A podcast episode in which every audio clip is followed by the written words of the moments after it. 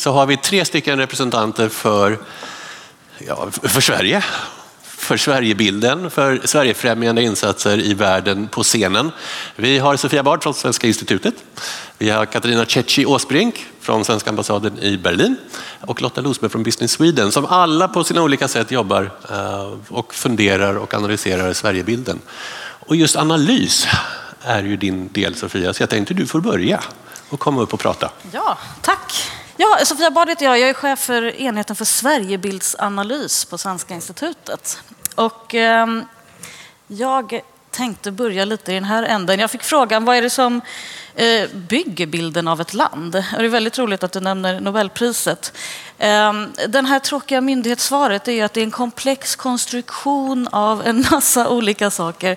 Eh, det handlar ju om de relationer som, som Sverige har med andra länder, det handlar om historia, Eh, det finns ju också massa olika individuella bilder såklart som bygger på eh, vilka värderingar du har, hur du ser på andra länder, vilken kännedom du har om andra länder. Men eh, skulle du fråga en historiker så finns det ju eh, svenska samhället och det samhällssystem som Sverige har valt har ju skapat väldigt mycket uppmärksamhet internationellt under väldigt lång tid. Eh, det har varit otroligt många människor som har kommit hit eh, genom åren och tittat på hur fungerar eh, landet Sverige. Och det ser vi fortfarande att man är väldigt eh, nyfikna på. Eh, jag vet inte om ni har sett den här World Value Survey-kartan där Sverige ligger längst upp i hörnet när det gäller värderingar. Vi är otroligt sekulära och otroligt individualistiska och det präglar också på det sättet som vi har ordnat vårt samhälle. Många av de länder som vi följer nu de ligger i helt andra änden. Eh, och det här är det som vi ser idag gör eh, den här spännvidden och den här klaschen. Alla de här sakerna som ni ser här de har också såklart eh, varit med och format Sverigebilden. När det gäller företag så var det någon som sa till mig att vi har inte bara ett utan två internationella bilföretag. Åtminstone hade vi det tidigare. Eh, och där, det har såklart präglat bilden av Sverige som innovativt, som ligger i framkant när det gäller teknologi. Ehm, Greta Thunberg är en sån här person som vi har följt lite grann. Söker man på Sverige så får du in otroligt mycket data, men söker du på Greta Thunberg får du nästan in ännu mer. Eh, så frågan är, är hon också större än Sverige? Vi tittar jättemycket på hur eh, olika företeelser eh, verkligen kopplar till Sverige. Och det här är en sån fråga som jag tänker vi kan prata mer om. Vad bygger varumärket? Är det så att säga alla de här olika företeelserna eller eh, är det Sverige som är, är grunden så att säga? Ehm, den här datan är från oktober 2022. Jag kommer få ny data imorgon, så jag är supernyfiken på den här frågan. Eh, det här är eh, 20 länder som rankar 60 länder på en massa olika parametrar. Och det handlar alltså om uppfattningen om Sverige. Eh, Sverige rankar här på plats 9, alltså ett av de mest välkända varumärkena i världen. Ehm, det här är en diskussion som vi, jag får ständigt den här frågan. Är Sverigebilden nu eh, raserad utifrån allt som har hänt? Ehm, en annan data som vi tar fram, det är den här. Vi följer Sverige, informationsflöden om Sverige på 53 språk. Varje månad plockar vi ungefär 100 miljoner, eh, 10 miljoner datapunkter om Sverige. Eh, så vi söker Sverige och relaterade begrepp på alla de här olika språken. Och det vi ser är, om man skulle dra tillbaka den här fem år, är att Sverige uppmärksammas på helt nya sätt nu. Ser ni någonting där nere? Ja, det kanske var lite litet. Hade vi tagit tillbaka den här, då kanske Nobelpriset i litteratur hade kommit upp som en av de sakerna som skapar mest volym. Eh, vi hade sett Avicii, vi hade sett eh, Abbas återförening, vi hade sett att Sverige spelar fotbolls-VM som de sakerna som man pratade mest om kopplat till Sverige. Men det vi ser nu är att det är helt nya saker man pratar om. Sverige har blivit utsatt för en informationspåverkanskampanj av islamistiska aktörer som påstår att Sverige kidnappar muslimska barn. Eh, Sverige har också blivit utsatt för påverkan kopplat till de koranbränningar som vi har sett. Eh, den största toppen här det är en koranbränning utanför Stora moskén i Stockholm. Det är det som man under året har pratat mest om internationellt. Och vi ser flera av den typen av stora toppar. Slut, slut ordet här egentligen. Eh, jag får jättemycket frågor kring hur påverkar alla de här händelserna Sverigebilden? Eh, det vi ser är att vissa händelser eh, har... Du kan ta bort den här nästan. Så att du, eh, vissa händelser har påverkat Sverigebilden jättemycket. När det gäller gängkriminalitet fick jag en fråga i fredags. Det är första gången jag har sagt ja, det har påverkat Sverigebilden. I Norden så ser vi en jättestor påverkan jag tror jag klickar fram till den här sista bilden istället. Bara säga tack. Ehm, eh, det har varit en jättestor påverkan eh, av Sverigebilden i Norden. Man tycker inte att Sverige utvecklas i rätt riktning. Det är ganska många som instämmer i det påståendet i Norden. När det gäller koranbränningar, där är vi fortfarande svaret skyldiga. Eh, vi kan säkert få rapporter här från, eh, från utlandsmyndigheterna i hur man har uppfattat det här utomlands. Det vi ser är att det har varit otroligt mycket rapportering. Vi får jättemycket rapporter från våra utlandsmyndigheter som säger att ja, men folk eh, är osäkra. Kan man samarbeta med Sverige nu? Men i vilken utsträckning det har nått ut till befolkningen, den frågan måste vi fortfarande undersöka och det kommer vi göra nu under resten av året. här fyller den minut som är kvar med en fråga. Ehm, vi har ju haft tidigare gånger när Sverigebilden har varit i gungning. Mm. I början av covidkrisen var vi den udda mm. fågeln. Var det en krusning eller har det påverkat? Är det här en krusning? Um, Covidkrisen, det som hände där var på samma sätt som de här olika händelserna som jag pekar på här, eh, så uppmärksammade Sverige jättebrett internationellt. Eh, vad är det som kan förändra bilden av ett land? Jo, det är när någonting händer som påverkar mig. De flesta människorna bryr sig inte så mycket faktiskt om andra länder om det inte påverkar mig. Eh, och här stack Sverige ut. Man uppfattade att Sverige valde en, en egen väg. Eh, och då blev man nyfiken. Jaha, är det där någonting som vi kan göra i vårt land? Eh, och man hade olika idéer om hur man skulle hantera den här krisen. Det vi kan se är att det är just kopplat till hur man uppfattar att man borde hantera den här krisen som man också ser på Sverige. Är man för lockdown, då tycker man att Sverige agerade felaktigt här. Är man eh, emot lockdown eh, så tycker man att Sverige agerat på ett väldigt bra sätt.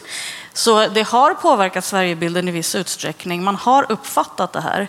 Eh, men det har blivit både mer positivt och mer negativt kopplat till den frågan. Är det en mer polariserad värld? Ja, det är det absolut. Ehm, ett exempel, eh, Sverigebilden av Kina. Den, Sverigebilden i Kina den har ju ändrats jättemycket. Men Kinabilden i Sverige, den har förändrats minst lika mycket. Det vi ser är att det skapas eh, olika bilder eh, där, där det blir en, en längre avstånd helt enkelt mellan väst och mellan Kina till exempel, eller mellan väst och muslimska länder. Eh, man brukade inte se så mycket förändring i bilder, men det är tydligt nu att man har förändrat sitt bild, sin bild av olika länder. Men det är oftast inte kopplat till enskilda landet när det gäller Sverige, utan det är en del i hur man ser på väst generellt. Tack Sofia.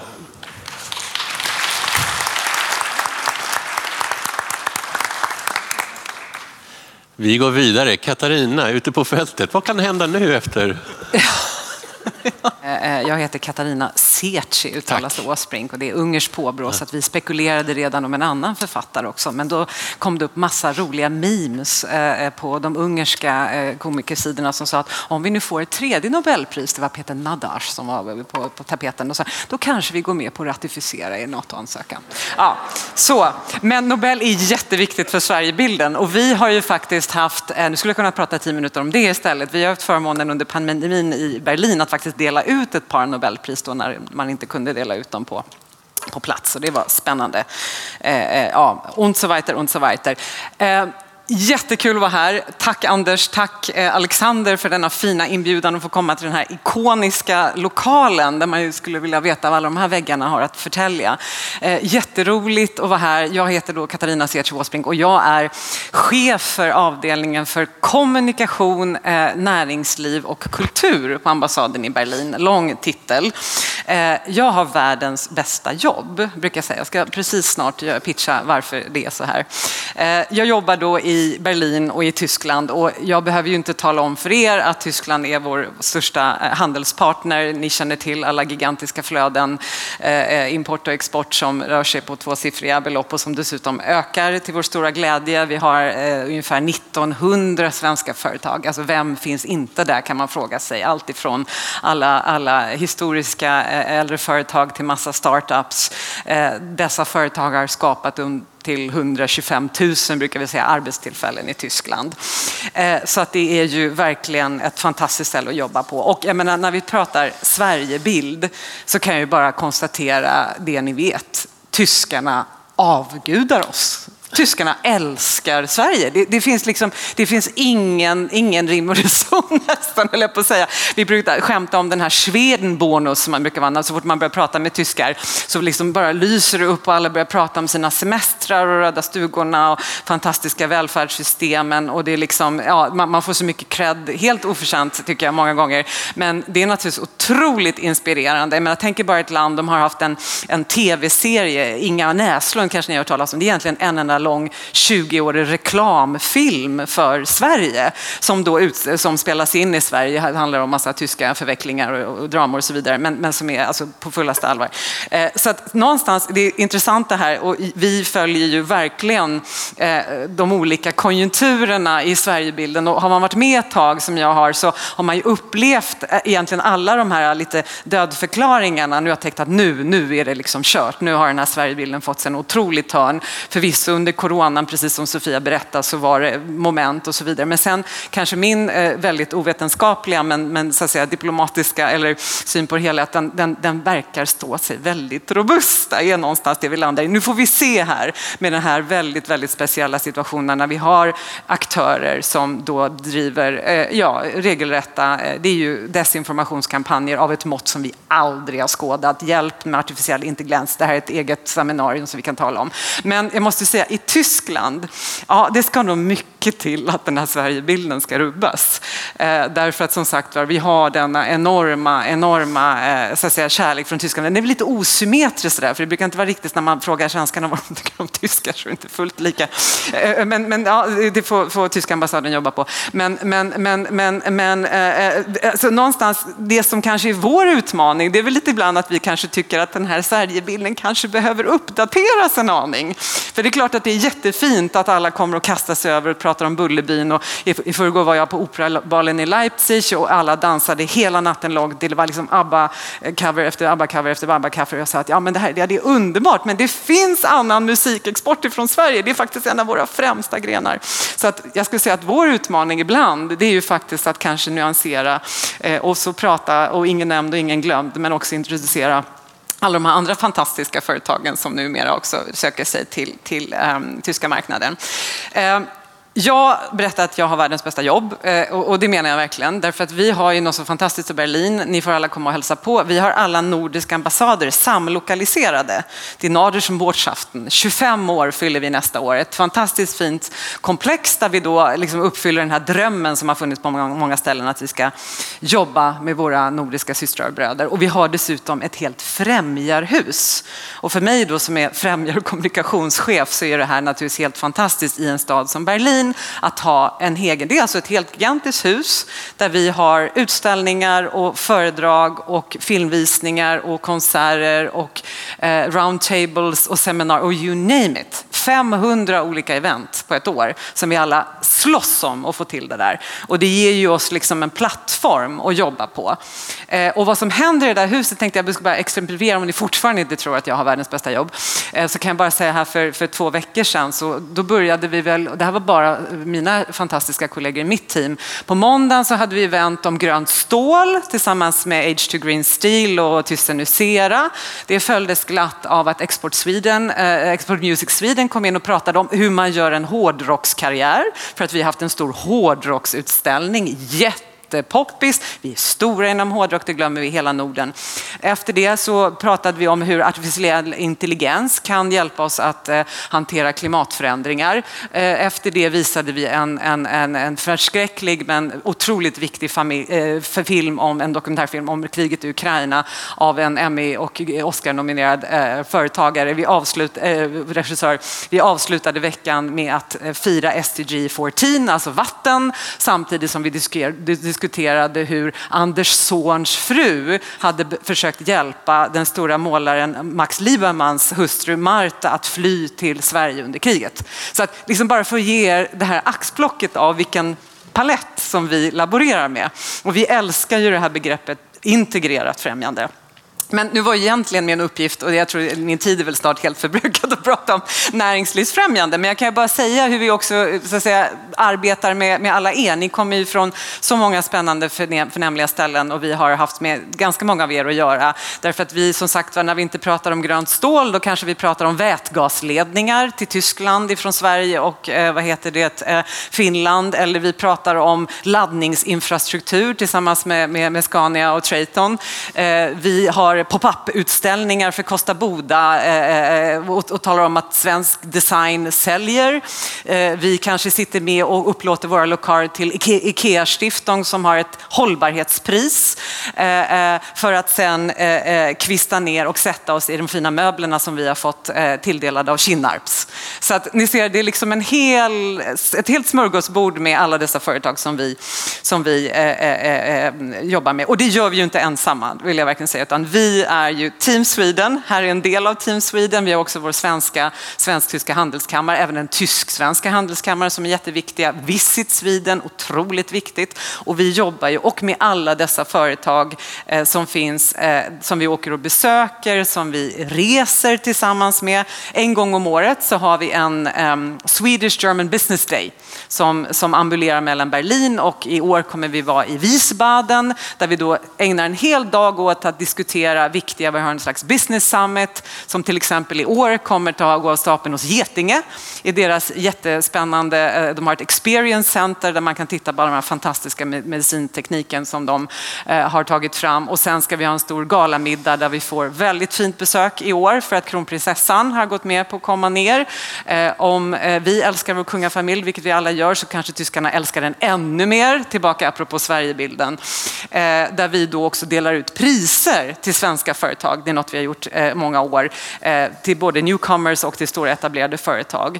Och I det sammanhanget ska jag också nämna vårt väldigt stora investeringsarbete som vi gör tillsammans med Business Sweden som vi har så att säga, systematiserat ganska mycket i Berlin. Att vi på ett otroligt fint sätt med, med buskollegorna lägger ner väldigt mycket möda på att identifiera potentiella investerare det vill säga tyska företag. Jag är väldigt glad att sitta bredvid Bosch idag till exempel. Eh, väldigt intressant företag för många svenska företag. Och därför har vi till exempel instiftat ett pris just för en tysk företag som investerar i Sverige. Och det här har vi förfinat. För det är ju det här att när vi gör saker tillsammans, det här med att få en inbjudan till eh, en ambassadör, till ett residens, på ett litet guldkort det har viss effekt eh, eh, faktiskt. Och sen har man alla duktiga kollegor som då tar fram all, allt innehåll för exakt hur ett företag skulle kunna så att säga, jacka in i någon form av svensk eh, motsvarighet eller partner.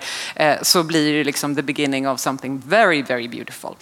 Ehm, jag ska nämna också kort, eh, Tyskland är mässornas förlovade land. Vi, vi åker mellan den fantastiska Hannovermässan, har ni alla hört talas om. Fullständigt utmattande men också jättegivande. Grüne Woche eh, sitter vi och eh, tillsammans med företag ja, med väldigt kulinariska produkter samtidigt som Jordbruksverket svischar ner och någon statssekreterare kommer ner. Vi gifter liksom samman det här. Mässor är ett jättevik en jätteviktig plattform för, för väldigt många företag. Eh, men sen ska man komma ihåg en sak som är jätteviktig vad gäller Tyskland och det är att Tyskland är inte Berlin. Eh, eh, jag hoppas att ni tillhör, som jag själv, de stora entusiasmerna eh, för, för Berlin som är liksom det kulturella hjärtat, politikens centrum. Men Tyskland är ett federalt land och Tyskland består av 16 förbundsländer.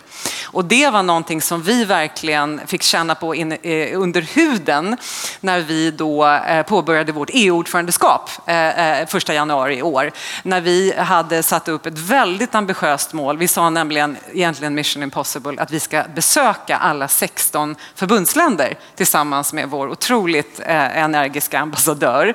Eh, eh, det är sånt man kanske gör på tre år. Eh, och nu kanske vi kan lite grann rulla de där bilderna för jag tog med mig några bilder här från vår lilla turné.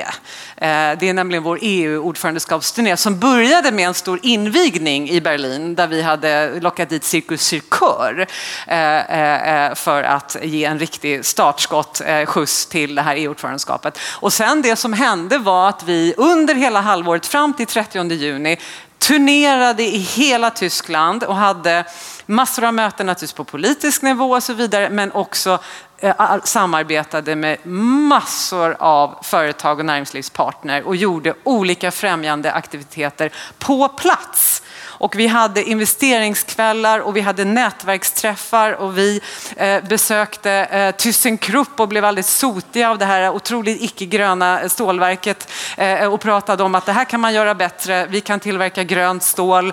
Vi var nere i Stuttgart och träffade den svenska chefen eh, eh, för Mercedes, Ola Källenius och naturligtvis kapitaliserade lite på den svenskheten. Där tror jag var jag som var i Hannover med några fantastiska grejer.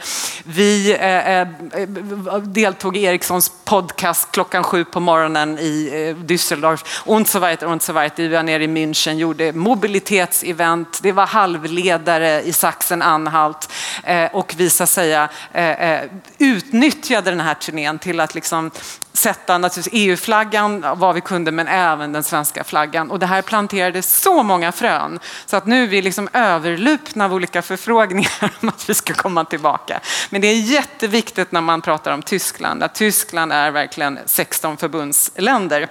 Vi hade inte kunnat göra det här utan samarbetet med många av er också som finns representanter här. Vi hade 22 stycken partners som vi kallar dem eh, för att vi fick inte en spänn på ren svenska hemifrån vårt eget headquarters för att göra det här. Och däremot så hittade vi då företag som tyckte att det här, den här resan vill vi vara med på och de fick definitivt valuta för pengarna kan jag ju säga. Eh, dansa kring midsommarstångar till exempel på stora avslutningen. Men eh, framförallt massa möjligheter då att knyta kontakt kontakter, prata export, prata investeringar, träffa politiker och det är ju det vi är. Vi är liksom brobyggare mellan de här olika eh, institutionerna. Överallt så tog vi med oss den här lilla påsen. Den var väldigt mycket mer välfylld. I den här lilla påsen så fanns det, det fanns Happy Socks, det fanns ett Spotify-abonnemang, ett Bookbeat-abonnemang, det fanns en kristall, ehm, den här snöbollen från Costa Boda och så vidare. Och sen hade vi alla våra partners här och de delade vi ut till alla politiker och alla eh, beslutsfattare runt om i Tyskland för att visa på det här samarbetet. Så att eh, avslutningsvis, eh, vi diplomater pratar alltid lite för mycket, så tänker jag vi på Nalen Eh, jag vill bjuda upp till dans, eh, måste man väl göra på Dalen. Jag vill verkligen uppmana er alla och inspirerade av det fantastiska arbetet som ni gör på, på, på institutet, som jag kallar det, på lite manér, eh, näringslivsforskning, att kontakta oss. När ni har någonting på gång, inte minst kanske med historisk förankring, något jubileum som kommer upp, kom och dansa med oss. Kontakta oss. Fiolerna får ni nog stå för själva, för som sagt var, vi ska till finansierade och budgetläget är prekärt. Men vi kan skänka annan valuta, vilket är naturligtvis inte bara glansen utan även kontakterna. Så vi ser fram emot att liksom utvidga vårt danssällskap eh, ytterligare tillsammans med er. Tack Karina. Ja.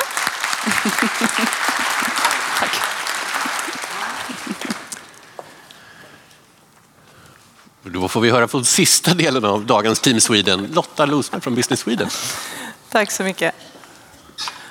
Och, och, tack Katarina, vilken otrolig energi. Det känns ju väldigt tryggt att ha Sverigebilden i dina händer i, i Tyskland. Och jag tycker att det är så intressant just med när det gäller varumärke och eh, kommunikation att Eh, det är så många olika delar som bygger en varumärkesperception.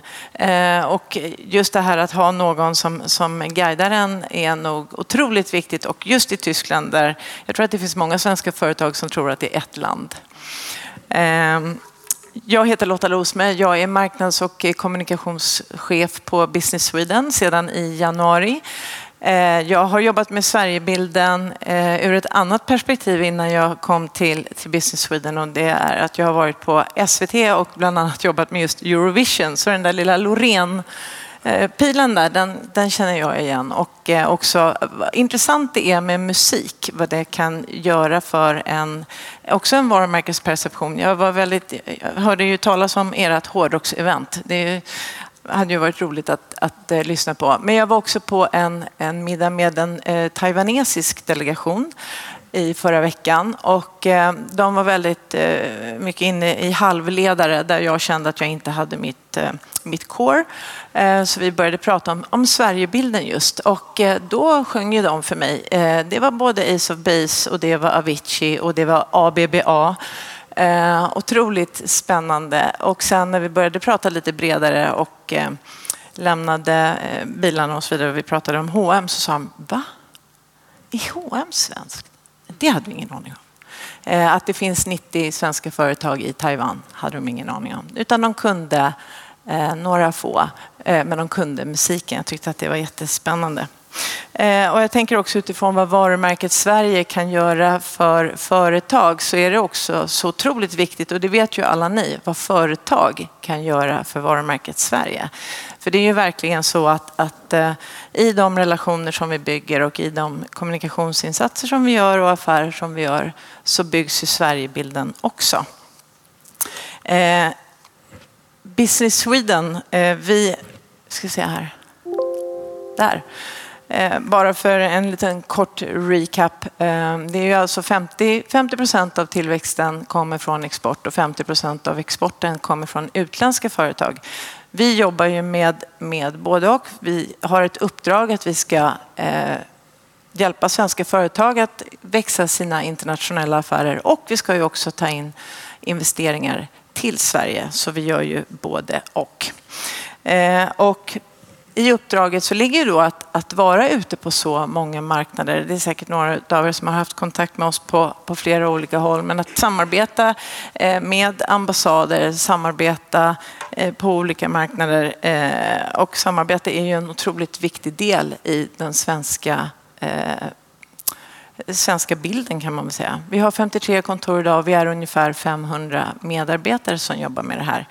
Och eh, vi jobbar med både de allra minsta som inte har börjat med sin export ännu och eh, hela vägen upp till den stora, eh, de stora företagen med den globala täckningen. Och eh, allt ifrån eh, små exportrådgivningstjänster. Vi har tio kontor i Sverige idag med exportrådgivare eh, till de stora konsultuppdragen som vi gör för företag. Och det är väldigt intressant tycker jag också när vi pratar med, när jag pratar med mina kollegor, för det har varit en, en för mig den onboardingresa som jag har gjort. Vad är, vad är viktigt eh, när vi är ute och pratar om Sverige, ute i affärer på olika marknader, men också när vi ska attrahera företag som vill investera i Sverige. Vad är det, jag brukar fråga mina kollegor på Business vad är det ni säger? Vad är det som, som fångar den här eh, dialogen? Vad är det som bygger relationen, respekten, intresset? Eh, och det är så många olika aspekter, men jag kan ta som ett exempel eh, som är Martin på bilden här, nummer tre från höger. Han, sa, han, jobbar i, han är chef för vårt kontor i Australien och han sa det är ofta viktigt att vi har det här lite svenska DNA, att vi vet hur, hur svenska företag vill göra affärer. Och, eh, när det gäller att driva investeringar till Sverige så har jag tagit med mig en liten film för att ni ska se hur vi presenterar Sverige. Eh, och den här kommer från ett event som vi hade förra året. Vi hade Join Sweden Summit. Jag vet inte om ni var inblandade i den, det var ni säkert. Det var ju en Team Sweden-aktivitet. Eh, så jag har tagit med den här. Ska se om jag kan få den att börja. Join Sweden. We have the perfect conditions for the companies of the future regarding both social, ecological, and economic sustainability. We combine a history of successful business with being at the forefront of innovation, reaching new heights through collaboration. Join us. Together, let's pioneer the possible. Här finns med de viktigaste eh, pelarna för det som vi tar med oss när vi pratar om Sverige. Innovation, digitalisering, grön omställning som Katarina pratade om. Eh, och också just collaboration, samarbete. En jätteviktig del eh, i den svenska företagsbilden. Och hur vi levererar på det här, det är också någonting som bygger Sverigebilden internationellt. Vi förekommer ju en mängd olika rankingar. Den här har jag tagit lånat från er, men jag har, har några mer med mig. Och som kanske tydligare bild här eh, så kan ni se att om man tittar på hur vi ligger till och rankas i alla de här olika mätningarna, innovation, infrastruktur, eh, hållbarhet, så är ju ändå bilden av Sverige och svenska företag väldigt positiv. Och jag tror att det är så otroligt viktigt att vi kommer ihåg det, att det finns en väldigt positiv, vi har ett starkt varumärke utifrån ett företagsperspektiv, även om det är mycket som, som händer just nu. Ehm, och vi gör ju också en mängd olika mätningar. Det är viktigt att vi håller örat mot rälsen och ser hur, hur, är, eh, hur är klimatet där ute. Och om man tittar på eh, Business Climate Service så ser vi att många svenska företag ser att det finns positiva eh, möjligheter med sin export utomlands. Till exempel i Indonesien, ska vi se, var har vi där? Eh, ni ser den här gula stapeln. För, eh, och det här är en mätning som gjordes under våren. Eh, och en viktig marknad där man investerar jättemycket i infrastrukturer som är viktig för Sverige. Eh, och också om vi tar åt andra hållet då, investeringar till Sverige, så gör ju vi... Oj, titta där. Nu ser ni vad de viktigaste marknaderna är. Eh, om vi tar investeringarna till Sverige så kan man också se att det ser faktiskt väldigt positivt ut eh, när det gäller expansion. Och det här är från ett expansionsperspektiv. Eh, om man planerar att expandera sin operations i Sverige så är det en positiv trend och om man tittar på att investera. Det här är ju en NPS-score så att eh, man tittar då på Eh, Eh, rekommendationsfaktorn och som ni kan se mellan 2018 och 2023 så är det väldigt positivt. Lite kort bara då om eh, det här med koranbränningar. Som sagt, det är någonting som vi har fått mycket tryck från media och andra. Hur, hur är läget där ute? Vad märker ni av? Eh, hur är stämningen? Det finns diskussioner om bojkott och annat. Så vi har verkligen haft en väldigt, väldigt nära dialog med företagen för att lyssna av. Eh, och även såklart med Svenska institutet, med ambassaderna, med UD, med alla som ingår i Team Sweden för att vi gemensamt ska få den här bilden. Hur, hur är det där ute? Och det som är väldigt positivt är att vi får ju faktiskt indikationer på att det är en bra, ett bra klimat och jag tror att mycket av det handlar om vår, eh, vårt förhållningssätt och till samarbete. Vi har nära dialoger, vi jobbar långsiktigt, vi står för värderingar som, som eh, inte är det som de här eh, koranbränningarna representerar överhuvudtaget. Det är enskilda individer, men vi som nation och som företagsland har fortfarande väldigt mycket att erbjuda och vi har väldigt goda relationer där ute fortsatt. Jag stannar där.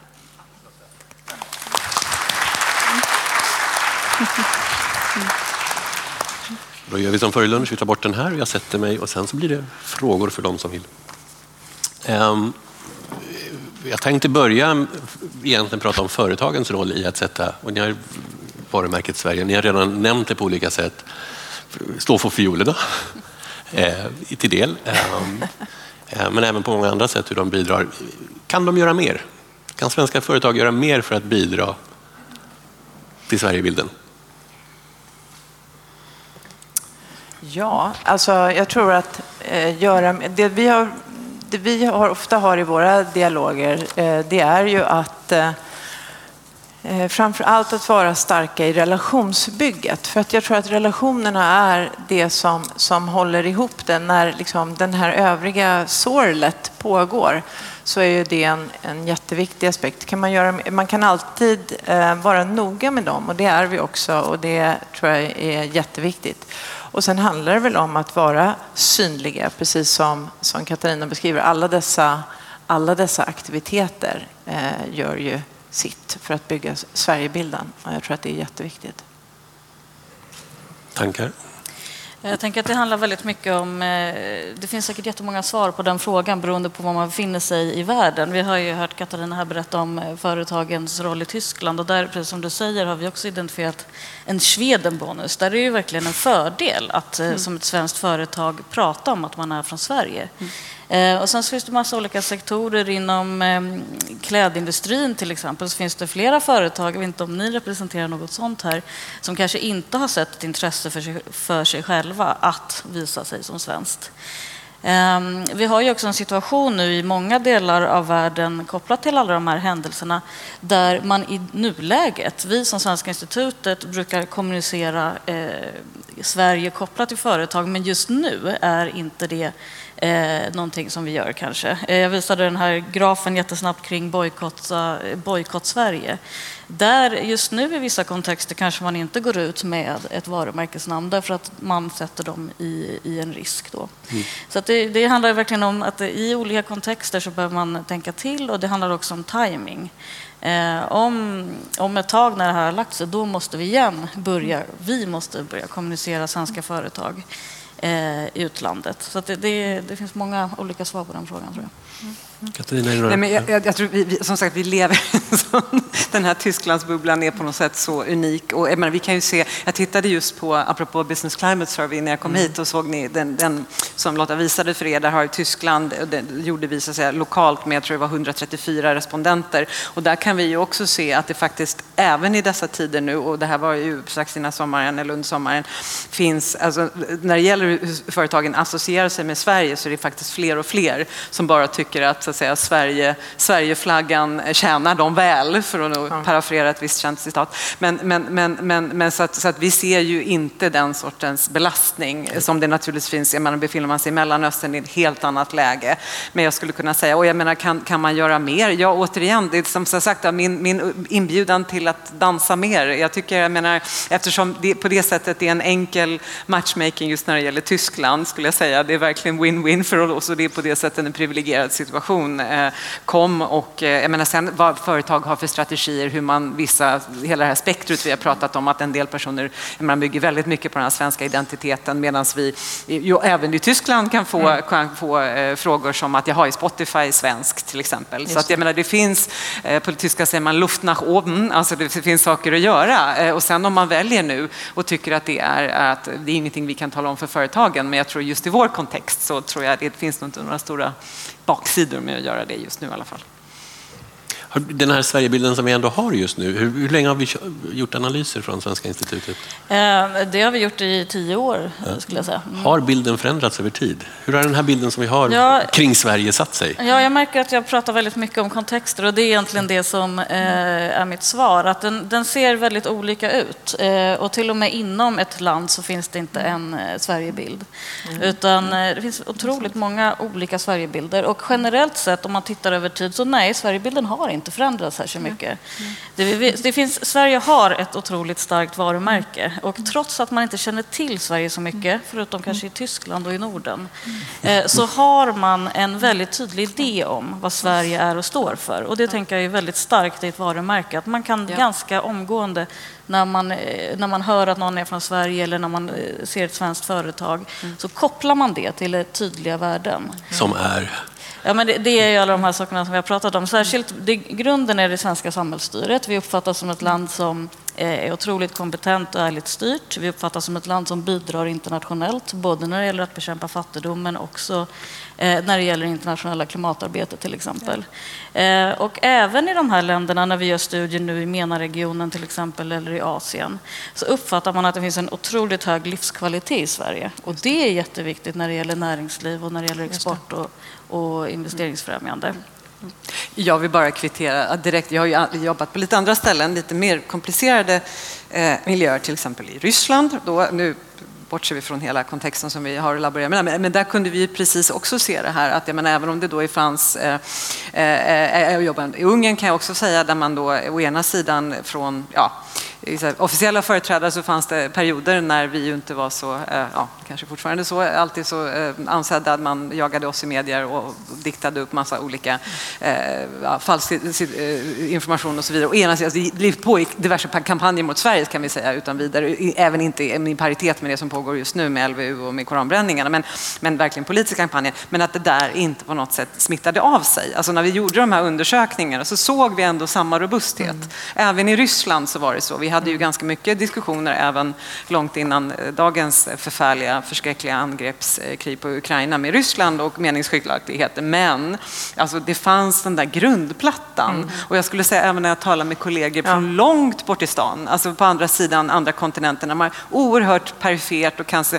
inte så uppdaterat kunskap om Sverige så finns det liksom en, ett, så att säga, ett bakgrundssår som, som bygger på det. Och det är klart det också har med historien att göra. Det är klart, jag menar, åker till Sydamerika, jag menar, det är inte bara ABBA, men det kan vara allt ifrån eh, politiker som Olof Palme till exempel, alltså det kommer upp i det här, det finns ett narrativ som ändå grunden är väldigt positiv. Sen kan vi tycka att det är väldigt ibland både romantiserat och det är kanske lite föråldrat och så vidare, men det är ändå så här grundfundamentet, upplever jag det. Mm. jag håller med, precis som jag sa, att vi har ju varit väldigt noga med att, att lyssna av och stämma av, vad är det har narrativet förändrats, men det har egentligen så det jag hör är kanske mer att det har funnits hos många någon slags förvåning. Vad är det som, ja. vad är det som händer? Vad är det här? Det här är, det tycker jag att, att vi plockar upp, men att det egentligen inte har påverkat för att, för att eh, våra relationer och vår, eh, vår eh, historia är fortfarande stark och vi, har, liksom, vi vilar på väldigt starka demokratiska grunder och, och Eh, det är någonting som... Det, det går, man kan säga att det går både fort och långsamt på att rasera en, en, en bild. Men, ehm, men än så länge skulle jag nog säga att vi står väldigt starka mm. även om det här... Det är såklart att det här väcker stor uppmärksamhet men, eh, men det är ändå stabilt och starkt. Mm. Frågor snart. En fråga, eller ja, vi kan börja direkt. en, fråga. en mikrofon får du börja. Jenny? Där. Där. Jag är lite nyfiken, Börje Häggman heter jag. Jag är lite nyfiken på det här med att få hit, arbetet för att få hit till eh, Stockholm och Sverige eh, internationella företag. Hur ser det ut och vad är det största problemet? Vad är det de liksom vill backa på? Vi, vi, vi har ju ett antal stora företag i Stockholm framförallt och det ska vi vara glada åt. Mm. Hur ser du på det? Eh, absolut. Eh, ja, eh, det, största, ja, det största problemet, man skulle säga att vi, har, vi ser egentligen en väldigt positiv trend. Så att eh, eh vi kanske inte... Mm, nu måste jag fundera på om vi problematiserar så mycket kring det, men snarare vad är utmaningarna? Och det finns ju Eh, det är klart att det finns utmaningar, men om man tittar på det positiva, varför man vill komma till Sverige, så handlar det väldigt mycket om klimat, eh, kompetens, stabilitet. Eh, så att det är ju, eh, vi pratar ju ofta om, om de aspekterna snarare än, än vad det är som gör att någon inte, inte vill komma hit. För ni, ni ändå mellan raderna så hör jag att det som händer just nu är ganska nytt. Ni som har varit länge i branschen, koranbränningen och de här skakningarna. Känns det som någonting nytt? Är det här på en nivå vi faktiskt ändå inte har sett förut? Att vi kan bedöma vad som kommer att hända efteråt, det blir svårt. Men är det så pass nytt eller är det bara ytterligare en eh, Ja, eh, det skulle jag säga att det är ganska nytt. Jag tänker den här grafen som jag visar, eh, det är, Sverige uppmärksammas i andra typer av frågor nu än vad vi gjorde tidigare. Ehm, det, det, man kan se också det är ju att det finns aktörer som faktiskt vill skada Sverigebilden på olika sätt och som har olika intressen av att göra det. Eh, det kan ju handla om att man vill ha politisk eh, så att säga, vinning i sitt eget land men det kan också handla om att man vill på olika sätt eh, splittra i Sverige. Eh, och det här skulle jag säga är eh, en lite ny företeelse. Det är inte nytt att Sverige uppmärksammas. Eh, och Sverige har använts, man pratade tidigare om ett slagträ, som ett slagträ i den politiska debatten. Och det gör ju Sverige för att Sverige på många sätt sticker ut. Och Sverige är just det här tydliga exemplet, det här tydliga varumärket. Det, det är också därför man nyttjar Sverige. Men att vi ser de här aktörerna som så mm, Eh, systematiskt jobba med att sprida en bild av Sverige som islamfientligt eller, att vi är islamofober i Sverige till exempel. Det är eh, någonting som vi ser nu på en helt annan nivå. Skulle jag säga. Mm. Jag, jag, kan bara kvittera på det lite som vi är inne på. Alltså det vi ser nu det är ju någonstans, jag menar den magnituden eh, eh av desinformationskampanjer som är del av en vi ändå kalla en hybridkrigföring, för det är det, liksom det, den korrekta, eh, den korrekta benämningen. Det är klart också av, av både stater och andra liksom väldigt organiserade aktörer jag nämnde som i förbifarten, jag menar hela AI-problematiken, alltså apropå magnituden, det som händer, det finns liksom verktyg, det finns sätt nu att också orkestrera det här på sätt på ett som, som är, i den meningen finns inget motstycke i historien. Och det är klart att det, det, det är så, vi lever i ett helt annat desinformationslandskap. Eh, eh, eh Samtidigt så är det ju någonting, det finns en medvetandegrad om det och det arbetas väldigt, väldigt hårt för att också hitta motstrategier. Eh, eh, eh dels att så att säga, eh, ja, kontra de här olika narrativen. Eh, eh, och mitt i allt det här så tror jag också att det är jätteviktigt att vi lite sådär Churchill också keep calm and carry on, det vill säga fortsätter med våra positiva narrativ. För att det är också så att en del av de här tappade handskarna är ju liksom, så att säga, eller slängda handskarna som man säger, är ju, det är ju provokationer som man också vill att, att vi ska plocka upp och syssla med och spendera stor energi och tid på. Och det ska vi ju inte alltid göra, utan vi ska syssla på att hålla vår kurs och vår färdriktning och göra det som, som, som vi ska definiera oss själva. Men jag, det är precis, jag kan bara hålla med. Just att, att inte låta narrativet gå till någon annan utan att ha, sitta i förarsätet och jobba aktivt med det. Eh, både, i, både i det lilla och, och i det stora. Och det här med att vi samarbetar tycker jag är så otroligt positivt att vi har de här nära dialogerna och, och eh, jobbar tillsammans för att vara synliga, att berätta vår historia och att, eh, ehm, att vi verkligen får ut det budskapet. Det är jätteviktigt så att vi inte fastnar och står och börjar avvakta utan eh, lutar oss in. Hur pigga är, är dagens unga företag på att vara med i Sverigefrämjande insatser utomlands? Eller är de fullt upptagna? Jag tänker Sverige har en lång historia av att ha globala företag. Vi är det lilla landet med de stora företagen och Ericsson och eh, Atlas och Sandvik och alla som startades på 1800-talet går fort utomlands fort och bygger på sin svenskhet. Hur pigga är de unga svenskar på att haka på?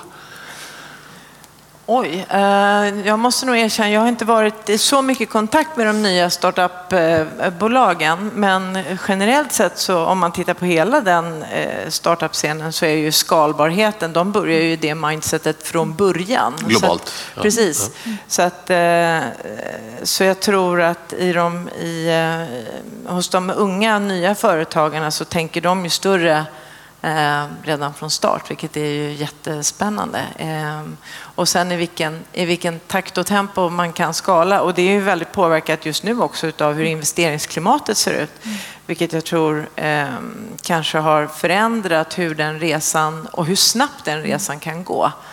Eh, det, ja, det vet vi ju.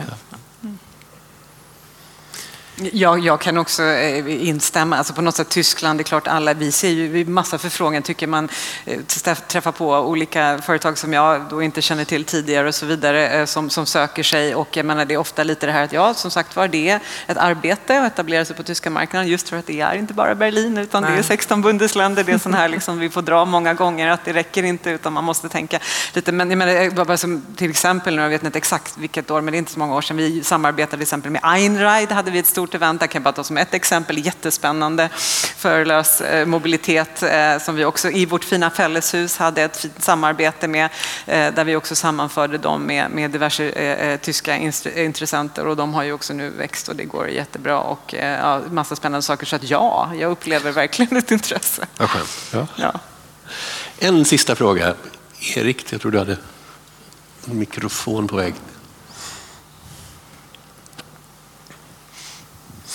Eh, Erik Kiga heter jag. Eh, vi pratar ju om historiebruk idag. Man kanske kan vidga det till hos historieåterbruk. Eh, det är förvisso det är väl en magnitud här då som är, som är helt, eh, helt eh, unik. Men, men det är ju inte första gången väl som Sverige ifrågasatt utlandet. Och det har funnits ganska mycket fördomar traditionellt om Sverige som vi har behövt jobba med, med att vi springer omkring nakna och vi är så deprimerade och sådär. Eh, eh, finns det någonting vi kan använda, även om det här är en annan magnitud, men finns det någonting vi kan använda historiskt i hur vi har hanterat det tidigare? Kanske svårt för... Eh, men kanske har stött på det i diplomatin eller så. Har vi gjort på något annat sätt tidigare för att hantera Sverigebilden? När den har varit negativ? Ja, vilken bra fråga. Ehm, Bollar vi över till Svenska institutet. Där, där la vi på en halvtimme. Ja. Jag vet inte om jag alls kommer svara på din fråga här, men, men vi pratar ju ganska mycket om varumärket Sverige och liksom varumärket av ett land. Vad är det egentligen? Och där tänker jag att det handlar ju både om hur Sverige uppfattas, alltså Sverigebilden. Det handlar om hur Sverige är. Eh, Och så handlar det om vad vi vill vara, vad vi vill föra ut. Så ser vi i alla fall på varumärket Sverige. Eh, Och här kan man fundera på, tidigare har vi upplevt att det finns ganska mycket en harmoni mellan de här olika delarna. Vad vi är, vad vi vill föra ut och hur vi uppfattas. Eh, Och det är det som vi funderar väldigt mycket på idag. Finns det fortfarande den här harmonin? Kan vi ha en enad bild av vad Sverige är? Eh, har vi identifierat vilka svenska intressen vi vill skydda och vilka svenska intressen vi vill prata om och föra ut och så vidare? Eh, men det som jag tror man ändå landar i, för att prata om, om din fråga här, eh, Sverigebilden har ju sett väldigt lik ut över alla de här åren och det är också den uppfattningen som är grunden i Sverigebilden. Det är också så som vi vill uppfattas. Så vi måste fortsätta att jobba på den här berättelsen av Sverige och den kan vara historisk för att det finns mycket av de här sakerna som vi fortsatt vill bygga på. Att Sverige är ett innovativt land, att vi är stabila, eh, att vi eh, har ja, men hela den här biten som, som man faktiskt ser. Så, som Sver- så som Sverigebilden är idag, så vill vi också uppfattas. Så det handlar om att hålla i det. Det handlar om att fortsätta berätta om Sverige. Och där tror jag att alla företag och alla, alla som är ute internationellt gör ju det såklart hela tiden i alla de här relationerna personerna. Eh, så att absolut att man kan bygga på historien, för den, den bild som finns av Sverige, det är den som vi fortsatt vill bibehålla. Ja, nej, men jag kan skriva under på mycket, men ni kanske har massa fantastiska idéer och nere i arkiven här i kilometerlånga tunnlarna kanske finns uppslag lite grann hur vi kan använda oss av det också i vårt narrativ, att liksom bygga på eh, saker som har relationer och resor och samarbeten och så vidare. Så, men, men, men kom gärna till oss med den sortens idéer. Jag håller mycket med Sofia, att jag tycker att vi har den här plattan. Som sagt, lite uppdateringar på vissa fronter, att man kan liksom introducera och vidga vyerna lite grann eh, vad det gäller eh, olika så att säga, väldigt, väldigt in, ingrained eh, eh, så att säga, representanter där vi liksom måste släppa fram de nya och få ge plats för dem. Det betyder inte att vi måste sparka ut de gamla, men vi kanske kan liksom expandera utrymmet lite grann. Och jag tänker också det att om man tittar på till exempel någonting som innovation, alltså det finns ju väldigt många svenska uppfinningar som, som eh, lång tid tillbaka sedan de var, var innovationer men att vi hela tiden jobbar i det spåret och det är någonting som vi fortfarande än idag kan, kan eh, profilera oss med och det tror jag är ju någonting, precis som ja, ni båda säger, att, att fortsätta driva vårt narrativ, fortsätta berätta vad vi står för, eh, för att jag tror att det är, det är det som kommer göra skillnad när bilden ska sättas. Och den ska ju sättas igen och igen och igen. Den är ju liksom en färskvara men med en historia. Det blev en loop till det vi pratade om innan lunch när ni inte var här, men att hålla historien levande hela tiden. Precis. Sofia, Katarina, Lotta, stort tack för att ni kom. Tack.